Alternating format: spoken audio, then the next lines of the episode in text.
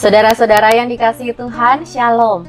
Di mana pun Anda berada saat ini, kiranya kasih karunia dari Allah Tritunggal beserta dengan saudara.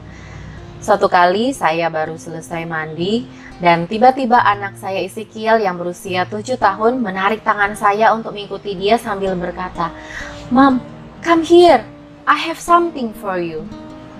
Saya melihat dia sudah menyiapkan sepotong kertas kecil dengan tulisan tangannya yang berbunyi Mom, I love you. Saudara hati orang tua mana yang tidak akan terharu mendapat hadiah manis seperti itu? Dan saya pun bertanya apa alasan Kiel melakukannya.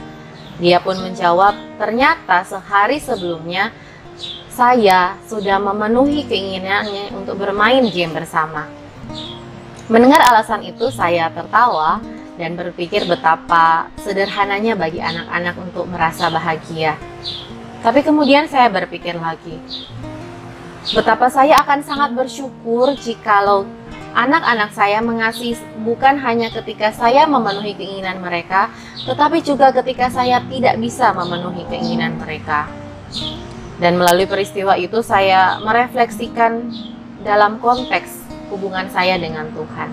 Saya sebagai anak dan Tuhan sebagai Bapa. Markus 12 ayat 30 berbunyi, Kasihilah Tuhan Allahmu dengan segenap hatimu dan dengan segenap jiwamu dan dengan segenap akal budimu dan dengan segenap kekuatanmu. Selama saya menjadi orang percaya, sudahkah saya melakukan firman Tuhan itu? Jangan-jangan saya hanya mengasihi Tuhan ketika Tuhan memenuhi apa yang saya mau. Bagaimana juga dengan saudara? Selama menjadi orang Kristen, sudahkah saudara mengasihi Tuhan dengan sungguh? Atau Jangan-jangan saudara juga mengasihi Tuhan hanya ketika Tuhan memenuhi keinginan saudara. Apalagi dalam kondisi pandemi COVID-19 ini banyak hal yang sulit dan tidak menyenangkan. Misalnya ketika pengeluaran tetap ada, padahal pendapatan kita berkurang atau tidak ada sama sekali. Biaya sekolah anak, biaya kesehatan, kewajiban kredit tiap bulan tetap harus dibayarkan Ketika orang tua harus tetap bekerja sementara anak-anak belajar di rumah. Sebagai orang tua tidak siap untuk sekaligus menjadi guru bagi mereka, sehingga emosi kita bisa naik turun, kita bisa mengomel kepada anak-anak atau kepada pasangan, kemudian kita semakin tertekan karena merasa bersalah akan hal itu. Ketika kita mungkin sebagai tenaga medis harus pakai APD seharian yang tidak nyaman, kita harus tetap bekerja, kita harus membatasi diri untuk tidak bertemu atau memeluk orang-orang yang kita sayangi. Tapi kemudian melihat ada orang-orang yang ngeyel dengan bahaya COVID-19. Ketika masalah keluarga kita tidak kunjung usai, ketika pasangan kita tidak berubah, ketika penyakit kita tidak kunjung sembuh, atau ketika kita mengalami sakit hati, tidak dihargai, difitnah, dan ketika daftar yang tidak menyenangkan ini masih saja terus bertambah, padahal kita sudah berdoa memohon kepada Tuhan, bisakah kita tetap mengasihi Tuhan dalam kondisi-kondisi seperti itu?